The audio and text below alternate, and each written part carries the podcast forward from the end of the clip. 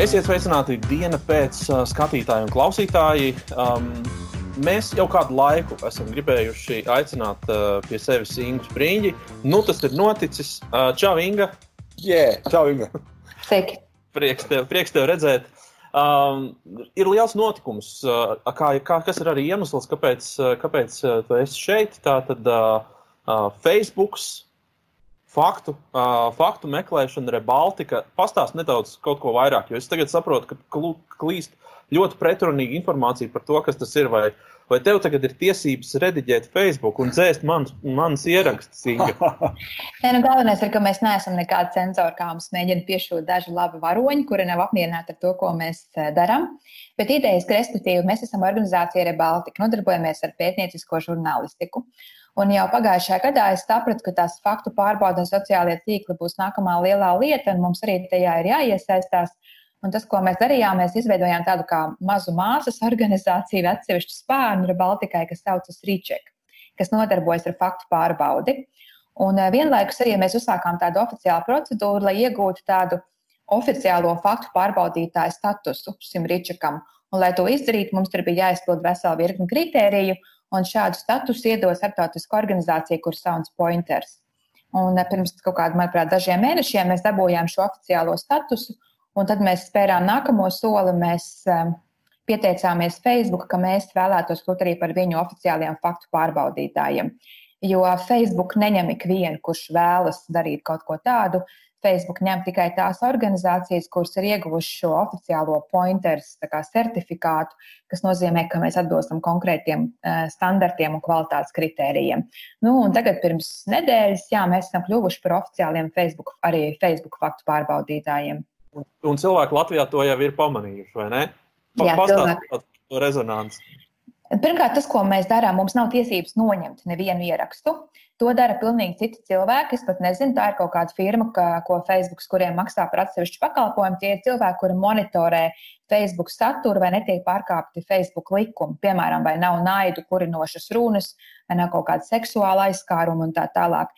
Tie ir cilvēki, kas monitorē šo saturu, un viņiem ir tiesības arī slēgt, piemēram, pilnībā cilvēku kontu vai lapas vai noņemt kaut kādu saturu nost.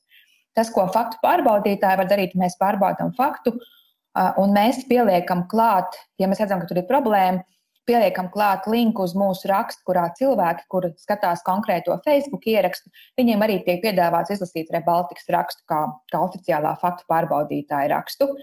Jautājums ir, protams, ko mēs paši joprojām vēl līdz šim atklājam priekš sevis, kā šis rīks strādā, kā tieši cilvēki to, parā, kā to redz. Ja, piemēram, ir video tajā konkrētajā Facebook lapā, tad tas video aizblūrots nedaudz un parādās šis ieraksts, apskaties, ko, tad, piemēram, šajā gadījumā Rebaltika piedāvā. Vai arī vakardien, ko mēs paši pirmo reizi arī ieraudzījām, ja, piemēram, konkrēts cilvēks bija nopublicējis savā postā lielu garu tekstu, tad uh, mēs pievienojam linku uz savu saiti, un visi cilvēki, kas bija dalījušies ar šo ierakstu, saņēma arī aicinājumu apskatīties to mūsu pārbaudīto faktu pārbaudi. Un tas, protams, izsauc ļoti lielu neizpratni. Cilvēki nesaprot, kāpēc kaut kas tāds notiek. Un tad arī sākās viss tās pārmetumu gūzmas, jo nu, kā nu katrs saprot, vai tā ir cenzūra, vai tie ir citi fakti, vai mēs uzbrukam konkrēto cilvēku viedoklim. Bet tas, ko es uzreiz varu teikt, mēs necenzējam, mēs nepārbaudām, mēs nekritizējam viedokli. Šī tiešām ir demokrātiska valsts, katrs var teikt, ko vēlas, bet mēs pārbaudām faktus, uz kuriem ir balstīts šis viedoklis, un piedāvājam citus faktus, ja mūsu izpratnē šie izmantotie fakti nav patiesi vai precīzi. Mm. Es eh, vakar, gatavojoties mūsu sarunai, izlasīju Rebaltikas analīzi par uh, viena ārsta viedokli attiecībā uz šo populāro vīrusu. Un, uh, man tā sajūta pēc tās izlasīšanas palika, domāju, tas taču ir ellīgs darbs. Es domāju, cik cilvēku vai cik cilvēku stundas tur ielikts, lai katru uh, konkrētā viedokļa paudēja pausto informācijas vienību pārbaudīt, salīdzināt ar kaut kādiem pētījumiem, ir vai nav ap, apstiprināta šī informācija. Es domāju, nu, Maleči, jūs esat kļuvuši par šo oficiālo Facebook kā, faktu pārbaudītāju, bet tāpat laikā tas taču ir. Nu, Nenormāls darbs. Tas ir nenormāls darbs, un tas laikam ir aicinājums, vai ne? Ko, ko tu, uh, nē, tas ir kā kuram faktam. Vakardien šis konkrētā ķirurga izteikums tas bija grūtāks, jo tur bija vienkārši minēts ļoti daudz fakti. Un, lai, lai nebūtu pēc tam pārmetumu, ka mēs izvēlamies tikai vienu atsevišķu, mēs, protams, iedziļinājāmies.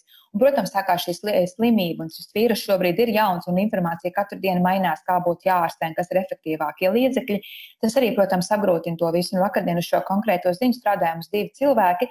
Tiešām lasīt cauri jaunākos Pasaules veselības organizācijas atzinumus, mūsu pašu veselības organizāciju, dažādu atzinumus, dažādus pētījumus un tā tālāk. Un plus vēl pēc vairāku stundu gaidīšanas arī cilvēks, kur izteikums mēs analizējam, atsūtīja mums atbildi uz 22 lapām smalkā raksts, no nu, drukā, ja, kam arī bija pa lielam jāaiziet cauri un jāapskatās. Tā kā tas ir laikietilpīgi, bet tas nav vienmēr tā. Piemēram, šodien mēs publicējām ziņu, kārtējo ziņu, kuriem mēs esam dažādos griezumos vairākas reizes atspēkojuši, ka šis mīts, ka vīrus ir kaklā, tāpēc arī 15 minūtēm jādzer silts ūdens, jo tad vīrus nenonāks vēdā un kuģī, un mēs nesaslimsim. Mm. Nu, šāds fakts neprasa daudz laiku, bet tā konkrētā ķirurga raksts, izteikumi, tie, tas paņēma ļoti daudz intensīva darba. Jā, man, man ir jautājums par, nu, varbūt tāds mazliet, tā kā es vilkšu varbūt uz tādu filozofisko pusi, bet tu droši vien, ka pieliks klātam arī visādus faktus. Man kaut kā šķiet, ka pēdējā laikā sabiedrība ne tikai Latvijā, bet ļoti polarizējās. Nu, ir kaut kādi tie, tie, tie, tie, tie, tie vieni, kas, kas tic, ka 5G izraisa kaut kādas slimības un ko tur vēl nē, un ka nevajag vakcinēties, un ka, ka, ka, ka nezinu, kā, kāds vēl tur vajag dzert kaut kādas īpašas struktūrētas ūdeņus un tā tālāk. Tā ir viena kaut kāda sabiedrība, un tad ir tā otra daļa, kas ļoti, ļoti tā kā ir pret to un, un, un grib norādīt un pateikt, ka nu, jūs tā kā muļķi un, un, un, un tā nevajag un tā kā, tā kā mhm. dzīvot un domāt. Kā tu redzi, Kā, kāpēc ir šī polarizācija? Kas to ir veicinājis? Tev ir kaut kāda atbilde. Protams, tas ir tas, par ko runā pēdējos gadus, trīs, četrus. Tas nav pēdējā gada notikums. Es domāju, ļoti izteikti tas parādījās pēdējos saimnes priekšvēlēšanu laikā, kad parādījās arī mums mūsu izteiktā populistiskā partija KPV, līdzīgi kā ļoti daudzās Eiropas Savienības valstīs. Uh, Viens, kāpēc tas notiek, ir vairāki iemesli. Viens ir tīri no tehnoloģija attīstības, tas ir no sociālajiem tīkliem. Un šeit ir pārmetums ar sevišķi Facebook un arī YouTube šo vēlot teh gigantu eh, algoritmiem, kā viņi strādā, jo viņi izceļ tikai to informāciju, ko mēs gribam redzēt. Otrakārt, piemēram, Facebook algoritms, arī Twitter un tā tālāk izceļ emocionālu informāciju. Jo šīm lielām tech kompānijām, ko viņām vajag? Viņiem vajag, lai cilvēki maksimāli daudz pavadu laiku jo tad viņi var mūs pārdot. Viņi pārdod saviem reklāmdevējiem un saka, redz, Inga un Kristaps Facebookā pavada 3 stundas vai 5 stundas dienā, izvieto savu reklāmu un viņi to tavu reklāmu redzēs. Bet, lai viņi pieķertu mūs, lai mēs pavadītu daudz laika tajā Facebook, viņi mums algoritms izceļ emocionālus faktus. Tad mēs iekarstam, mēs dusmojamies, mēs sākam komentēt, un, diemžēl, pārsvarā tā ir negatīva informācija. Protams, arī kaķīšu video strādā, mēs priecājamies par maziem bērniem un dzīvniekiem, bet negatīvā informācija un tā Un, ja tu man jautā par polarizēšanos, tad šeit ir viens tas, ka es pirmkārt šie cilvēki, kur tic akmeņu ūdeņiem, ezotērikām un tādām lietām, viņi redz tikai šo informāciju, viņi dzīvo tajā savā konkrētajā informācija burbulī, un viņi sasniedz šo nu, tikai šādu informāciju. Tāpēc no otras puses, kā, lai nedaudz attaisnotu šobrīd Facebook, jo pirms diviem, trim gadiem es biju pilnīgi Facebook noliedzēja, Tāpēc arī šobrīd Facebook daudz vairāk ieguldās un veic arī šādas faktu pārbaudas lietas, kurā viņi piedāvā šiem burbulim, redziet, šeit ir arī alternatīva informācija. Šajā gadījumā, kurā Baltika, piemēram, ir pārbaudījusi, varbūt arī jums der ar šādu informāciju iepazīties. Protams, kā mēs redzam, šie cilvēki nav laimīgi kaut ko tādu redzēt, tāpēc arī mēs saņemam ļoti daudz šo pārmetumu vilni, bet, manuprāt, tas ir ļoti labi. Tā pašā laikā, piemēram, YouTube, kas pieder Google, nedara neko. Vismaz mūsu reģionā vispār viņi nekur neiesaistās, ne domā par kaut kādu informatīvu uh, kampaņu, kā piedāvāt cilvēkiem precīzi un objektīvu informāciju. Tā kā atbildot uz tavu jautājumu, tas ir viens ir šīs tehnoloģiskās attīstības, kas ir iespējams. Otrais ir populisms, kas arī daļai ir saistīts, jo pop populistiskiem politiķiem, kā piemēram Aldina Gobzemam, viņam pat nevajag sabiedriskos vai komercmedijas, viņš pats var veidot ļoti veiksmīgi uh, kopā ar Artu Kaimiņu bija ļoti labs piemērs pirms vēlēšanām, kā var izmantot veiksmīgi Facebook, ja tu māki runāt un, un iesaistīties ar savu auditoriju. Un trešais ir, kāpēc arī paši populisti ar vien vairāk pieņem spēkā, ir dešām visām tehnoloģijām mums ar vien vairāk veidojas cilvēku grupa, kur jūtas nederīga. Man ļoti patīk šī ne jau bestselleru grāmatas sapienas autora izteikuma, ja par useless klāstu, jeb nederīgo cilvēku klasi. Viņi nespēja līdz tik šīm tehnoloģijām, jaunām attīstībām, visam tam kosmopolītam. Viņi ar vien vairāk ieraujas sevi, viņi ar vien vairāk ir pret kaut ko, viņi ar vien vairāk ir uh, tādi gatavi uzņemt šos vēstījumus no populistiem, ka redz, kā visur ir sliktā valsts, visur valdā uh, ebreji valda pasauli, vai viens procents bagātāko cilvēku kontrolē mūsu prātus, visiem saliks čipus tagad un tā tālāk. Tas viss kopā rada to um, noslēņošanos, par kuru tu runāji. Tu pieminēji Gobzemu kā piemēru. Mm, es gribētu paturpināt par šiem piemēriem, jo mums ar Kristapam vadot komunikācijas treniņus, ļoti bieži īstenībā cilvēki prasa, nu, pārsvarā viņi prasa pēc pozitīviem piemēriem vai tā, nu, nu, par tādiem, no kuriem mēs varētu mācīties. Um, vai tev nāk prātā, ka tu esi tomēr ļoti daudz šajā arī nu, komunikācijas platformā, gan Facebookā, gan vispār, tu zini, kas notiek valstī, kā cilvēki komunicē, vai tev nāk prātā no savas pieredzes, gan, gan varbūt tādi labie, varbūt netik labie piemēri, no kuriem mēs kaut ko varam mācīties. Un, ja tu esi gana drosmīgi mini uzvārds vai organizācijas droši. Ja, nu, Manas ieteikumi būtu ļoti grūti tādu. Protams, ka vienmēr nāk prātā tie, ko tie sliktie piemēri, ja, vai eh, kā mēs redzam, kā viņi runā. Tas pats, piemēram, Latvijā, ka ja Aldis Gobzems ir pēdējā laikā tāds retoriķis, ko var minēt, bet mums ir daudz lielāks, pieredzējušāks cilvēks, kas to dara jau gadus 15, vismaz tas ir Aivars Lembergs. Un es uzskatu, ka žurnālistiem vispār pilnām nevajadzētu intervēt Aivaru Lembergu, jo, jo jebkurā gadījumā vienmēr žurnālists zaudēs. Tādēļ, ka Lembergs un Gobzems un arī kaimiņš lielā mērā izmanto tādu zemju josvietas retoriku vai tādas izteikts populists, un mēs kā žurnālisti nevar, nevaram tā kā līdz tādam līmenim nolaisties. Mēs nevaram sākt tikpat rupji vai kaut kā melot vai kaut kā tam līdzīgi atbildēt. Tāpēc viena no tām taktikām, manuprāt, būtu vispār publiskās diskusijās šādiem cilvēkiem neielaisties, jo vienkārši nav, nav vērts. Jo cilvēki, kas tic šiem populistiem, viņi ticēs tāpat. Uh, nav mērts, nu, vērts ar viņiem runāt vai strādāt ar šo auditoriju, bet ar ko ir vērts runāt ar tiem cilvēkiem, kas nav izlēmušie, kas ir pa vidu. Tā ir tā auditorija, arī kuriem mēs veicam šo faktu pārbaudi, lai viņiem parādītu, ka nē, tas, ko saka tas vai tas cilvēks, tā nav taisnība. Redziet, kādi ir, kādi ir tie fakti. Uh, Ja no tādiem lielajiem piemēriem eh, man ļoti patīk, eh, ir tāds kognitīvais psiholoģijas, eh, nezinu, viņš ir profesors vai kāds oficiālais tituls, tiešām no tāds precīzi, bet Džordžs Lakovs. Un tas, ko viņš māca, ka tu nevajag iesaistīties arī šo populistu un to cilvēku viņu retorikā, nevajag atbildēt tieši uz to, bet nākt pašam ārā to savu vēstījumu, ko tu gribi pastāstīt. Un viņš kā piemēram ir piemēram Barack Obama, kad arī viņam daudz prasīja par bēgļiem, par migrāciju un tādām lietām ka Obama vienmēr to visu pārfrāzēja un nāca ārā ar to savu vēstījumu, ko viņš gribēja pateikt. Un es domāju, tas ir tas svarīgākais, ko mēs arī ļoti bieži, ja jūs prasījāt sākumā, cik grūti vai viegli ir veikt šādu faktu pārbaudi, ir milzīga nozīme komandai. Ka tu neesi viens pats, kas veic šos faktus savādāk, zem tās negācijas ir ļoti viegli nogrimt. Tas rada milzīgu trauksmi.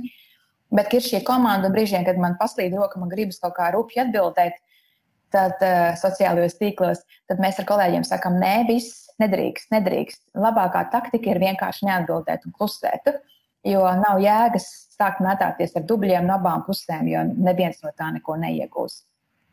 Jā, pirms, pirms apmēram 20 gadiem es tieši tāpat kā tu tagad dzīvoju, dzīvoju Tallinā, Igaunijā, un toreiz strādājot par žurnāl, žurnālistu laikrakstā dienas, faktiski vienmēr redaktors zvanīja un prasīja, par to, kā nu, mums ir tagad Latvijā tā, kā ir Igaunijā. Un droši vien, ka Igaunijā ir labāk.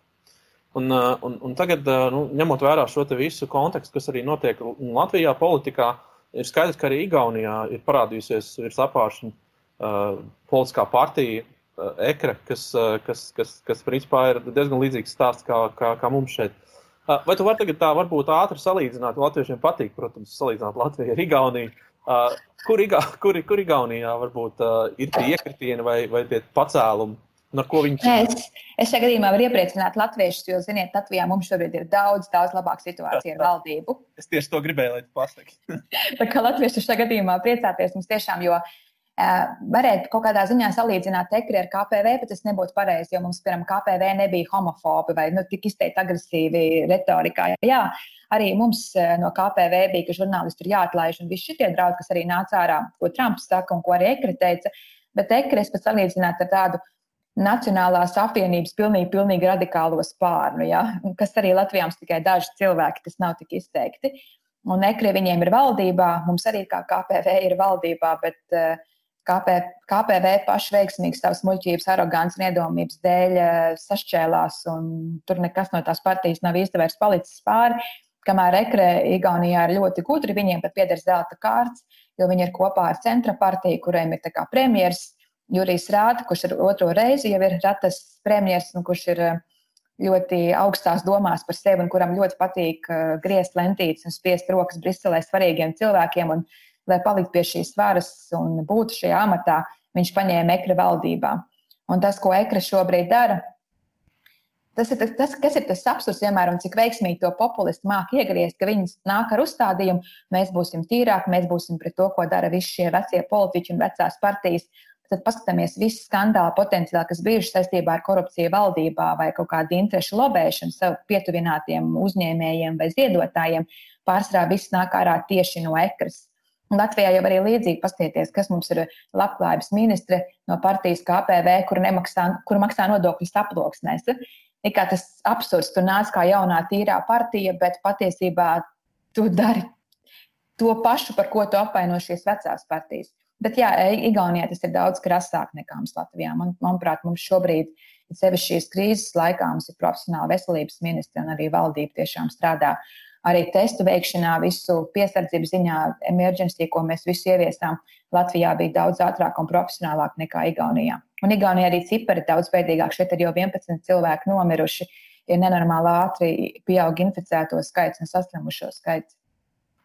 Paturpinot par mūsu valdību, par Latvijas valdību, tieši no komunikācijas aspekta, kā tu vērtē, nu, tu pieminēji, ka profesionāla veselības ministru un tā tālāk, bet uh, par komunikāciju, vai viss tiek izdarīts uh, nu, teiksim, maksimāli iespējami labi, vai tomēr ir lietas, kas tavā vērtējumā būtu uzlabojums saistībā ar Es saistībā ar šo vīrusu konkrēti, ja mēs runājam, es, man nav kaut kāda liela iebilduma, jo es neesmu eksperts arī šajā jomā, bet no tā, ko es redzu, kā strādā SPKC atbildīgie dienesti par šo visu ātrās medicīniskās palīdzību un tā tālāk. Protams, varbūt ir kaut kāda aizmugurē, nezinu, kaut potenciāla korupcijas skandāla iepirkumos vai kompensācijas, kas tiks izmaksātas, bet To es nezinu, bet no tā, ko es publiski redzu, no cik es lasu, man nav nekādu iebildumu pret mūsu patreizējo valdību, kā viņi rīkojas šajā krīzes situācijā. Tas, kur es atkal ja gribu salīdzināt ar Igauniju, kur es domāju, kur mums daudz vajadzētu mācīties, es esmu pārsteigts, cik Igauni profesionāli augstā līmenī strādā pie savas, sava PR valsts līmenī. Es biju vienā pasākumā, kas bija uz um, obza rekordu noteikumiem, tāpēc es nevaru izpaustīt, kur, kur un kā un kā tas notika, bet tur bija kopā sanākuši, tas bija pirms diviem gadiem, uh, bija sanākuši Igaunijas augstāko dažādu dienestu un valdības pārstāvju cilvēki. Un tā bija tieši konference, kurā viņi sprieda par komunikāciju. Kas ir viņa vēstījums, kādas būs nākamās problēmas valstī, ar ko viņiem ir jārēķinās. Un bija kā viesis arī premjerministrs ieradies. Un man ļoti patika, ka no vienas valsts iestādes piecēlās sieviete un prasīja, mēs līdz šim esam lepojušies, ka Igaunija ir IT valsts, ka mums ir ēt šī vēlēšana sistēma, bet ar ko vēl mēs varētu starptautiskā līmenī lepoties, ar ko vēl mēs varētu nest ārā Igaunijas vārdu. Un tad Rācis tā padomāja un teica, nu, piemēram, mēs varētu lepoties, ka mums ir labi PISA testi, nu, šie izglītības starptautiskais tests, kurā Igaunija pat pārsniegusi Somiju jau šobrīd. Un šeit pat nav svarīgi, ar ko viņi tieši lepojas, bet man tādā pārnestā nozīmē atkārās žoklis, ka viņi šādā līmenī domā un runā ar ko mēs nesīsim ārā pasaulē Igaunijas vārdu.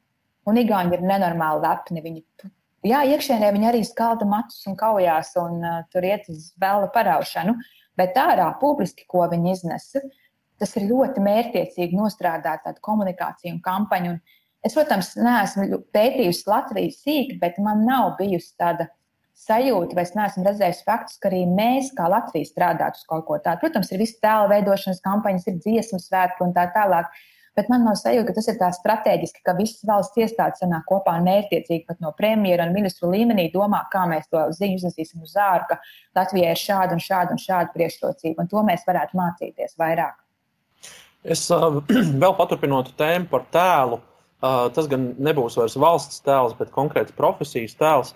Es pēdējo desmit gadu laikā vadu arī mēdīju treniņus. Un tas, ko es esmu novērojis, un kas, diemžēl, man par lielu nožēlu, nav šo desmit gadu laikā īpaši mainījies, ir tas, ka tad, kad ir kaut kāds uzņēmuma vadītājs vai kāds organizācijas vadītājs, un viņš grib saprast, kā tas žurnālists domā, tad a priori vienmēr tiek pieņemts, ka žurnālists tas ir kaut kāds nu, kā ienaidnieks. Man kā pret viņu ir kaut kā nu, kaut kas jāslēpj, kaut kas jāstāsta, tur īpašs vai kā tam līdzīgi. Un tas, ko es vienmēr saku, es saku tieši, tieši pretēji. Žurnālists ir draugs un sadarbības partners, principā. Uh, un, un, un es kaut kā biju iztēlojies, ka tā līnija būs nu, nu, augšupējoša ar domu, ka, ka arvien vairāk cilvēku uztvers uh, žurnālistu profesiju kaut kā, nu, kā saprātīgāk. Bet, bet, jā, man šķiet, tas jautājums, tas, ko es gribu te pajautāt, un es īstenībā jau kaut kādās iepriekšējās sarunās jau tev sen to gribēju paprasīt. Uh, kā tev šķiet žurnālista profesijas tēls? Ir kāda, ir kāda iespēja izkāpt ārā no tā nu, nosacītā purva, ka vienmēr žurnālists tiek uztverts kā, kā kaut, kas, kaut kāds agresors? Es domāju, ka nē, es nedomāju, ka kaut kas tuvākajā nākotnē mainīsies. Uh, ko mēs arī ļoti labi redzam šobrīd, kad ir mainījies mediju finansēšanas modelis. Jo gadsimtiem mediji dzīvoja no reklāmām, bet tagad, kad ir tā, ka ir sociālie tīkli un reklāmu devēji patiešo pērk reklāmas Facebook, Twitter, Google un tā tālāk, mēdījiem šis ienākums ir zudis un ko pasaules līmenī mēdīja dara pāriet uz uh, abonementu sistēmu. Un tad, kad mēs redzam, ka, piemēram, Delfa Latvijā mēģina ieviest, paprasīt mēnesī tikai divas eiro, ko samaksāt par viņu saturu, kāds ir uzreiz tas sacitiens. Kāpēc man būtu jāmaksā par to, ko kāds uzrakstījis ar teātra recenziju? Kāpēc man būtu jāmaksā par šo rakstu? Jā, vai, vai kāpēc tagad Covid laikā, piemēram, informācija reiz maksas sienas, ka cilvēki jau nav tā izpratne, ko nozīmē žurnālists darbs, ka arī mēs strādājam, ka mums ir tās ir zināšanas, savākt informāciju, nointervēt cilvēku, uzrakstīt rakstu. Un, eh, un tagad tas, un dēļ tā, ka arī viss šī drāza, kas ir apkārt sociālajos tīklos, tas, ko es arī redzu, arī bija skolā ar vienu mediju pratību lekciju, un es prasīju, kā jautājumu skolotājiem un skolēniem, ar ko atšķirās parasti jūsu draugu ieraksts, piemēram, Facebook, un ar ko atšķirās žurnālisti ieraksts. Un viņi nemācīja pateikt to atšķirību. Viņi ne, nezina vienkārši, kā strādā žurnālists. Un tā ir atbilde uz tavu jautājumu, vai mainīsies attieksme. Tas, ko esmu sapratusi, kas būtu daudz vairāk jādara, mums kā žurnālistiem arī jāstāsta, kā mēs strādājam. Kāpēc ir vērts un kāpēc ir jāmaksā par ziņām, un kāpēc ir svarīgi, ka, piemēram, sevišķi šādā krīzes laikā jums ir uzticami mēdīji, kuriem, kur žurnālistiem ir konkrēti pienākumi, pēc kuriem ir jāpārbauda informācija un kā ir jāievāc informācija. Kamēr kaut kādam politiķim vai vanabi influencerim nav šāda, viņš vienkārši saka to, ko viņš ir izdomājis vai kaut kur sagrābstījis un izlasījis. Tas ir tas, kas, kas ir jādara. Man viens no mīļākajiem podkāstiem, ko es klausos, ir New York Times The Daily, kam ir vispār miljonus auditoriju šobrīd, bet viņi visu laiku saviem raidījumiem pa starp viņi apstājās un saka, reku šī ir žurnālisti, ir tāda un tāda. Viņi dara pētījumus par šādām un tādām tēmām. Viņi ir studējuši piecus gadus tādā augstskolā, piecus gadus tādā universitātē, desmit gadus pieredzi viņai šajā tēmā un tā tālāk. Tas ir tas, ko New York Times ir sapratuši, ka šādā veidā ir jāinformē sabiedrība, nu, ka mums ir jāizstāsta, kā mēs strādājam. Un es domāju, ka Latvijā arī mēs neesam izņēmums, ir mums ir daudz vairāk jāskaidro tā mūsu ikdiena. Piemēram, es jau sen man ir tāds sapnis, ka kādreiz būs kāds interesants materiāls, kur, piemēram, parādās, kāda ir, piemēram, regulāra panorāmas žurnālisti ikdiena. Kad, kad, kur, kur varētu redzēt, kad nāk žurnālists uz darbu, viņš sēž kopā ar producentu, viņš pārspriež dienas notikumus, par ko viņi taisīs, kāpēc viņi taisīs, pēc tam viņš brauc un to visu dara. Bet citādi šobrīd ir cilvēkiem tā sajūta, ka ah, nu ir kaut kāds nezināmais mēdīju īpašnieks, kurš no augšas pasaka, par ko man ir jātājas, un kā mazais rūtītis pakalpīgs skrien un to dara un to tājas. Nu, nav tā, visi, protams, ir arī negodīgi žurnālisti, kā kurā profesijā ir negodīgi, negodprātīgi cilvēki. Bet pārsvarā man kolēģi, ko es zinu no vadošiem Latvijas mēdījiem, godprātīgi dara savu darbu un tiešām vadās pēc visiem šiem principiem, kas būtu jādara. Otrais ir, ka tu runāji par to, ka tu redzi no kaut kāda uzņēmēja puses vai valsts iestāžu cilvēku puses to neusticību. Uh, Šis ir vēl viena lieta, ko, kas arī man pārsteidz Igaunijā, cik viņiem daudz profesionālāks ir šīs attiecības. Piemēram, Igaunijas prokurori, tad tikko nomainījis ģenerāla prokuroru, jo ekre neapstiprināja otrais amatā uh, iepriekšējo ģenerāla prokurori. Jo atkal saredzēja tur deep state konspirāciju teorijas un tā tālāk. Bet ko darīja šie ģenerāla prokurori. Viņi katru gadu beigās, viņi, piemēram, sarīkoja neoficiālu tikšanos ar žurnālistiem, kurā viņai ir prezentācija, kurā viņi rāda, ko prokuratūra izdarījusi šajā gadā, kādi ir mūsu nākamie mērķi, kādas ir mūsu problēmas. Es nedomāju, ka mūsu kalnējas kaut ko tam līdzīgu, piemēram, darītu. No, un es arī pati runāju ar, piemēram, ar prokuratūru vai ar knāpu cilvēkiem. Nu, ar knāpu cilvēkiem nē, mums bija viens tāds pasākums, kur bija dažādi iestāžu pārstāvji kurā es teicu, ka, protams, jums nav jāsaka kā visiem žurnālistiem, bet veidojiet attiecības. Un, nu, tas arī uzreiz rada to saturu kvalitāti, un mēs saprotam, kā jūs strādājat. Jūs saprotat, kāpēc mēs kaut ko darām. Bet, ja tu nerunā vispār, tad arī tie iestāžu cilvēki uzbūvē kaut kādu tēlu, ka nu, visi žurnālisti ir slikti un tikai domā kaut, kaut ko negatīvu uzrakstīt. Jā. Klau, noslēgumā, kā mums jābeidz saruna, personisks jautājums. Es tevi pazīstu nu, jau 20 dažas minūtes ja, šīs sarunas dēļ. Un, paldies par šo sarunu. Mans novērojums ir uh, divas lietas, ko es novēroju, kas ir izteikts. Es jūtu tevi misijas sajūtu, un es jūtu to, ka tava āda ir bieza. Ka tu esi ejot cauri tām lietām, kurām tu ej cauri, un varbūt tev gāž arī mēsls virsū reizēm, ka tev tas kaut kā tā, nu, to ar tādu vieglumu. Kas ir tavs recepte ikdienā stresa mazināšanai vai neuzņemšanai? Pamēģināt kaut kādas pāris stundas dienā, vismaz, bet veselu dienu neieiet sociālajos tīklos. Tas ļoti palīdz. Ok, super. Paldies par šo padomu. Paldies jums. Jā, paldies, Inga. Lai tev izdodas. Tā. Tā. tā.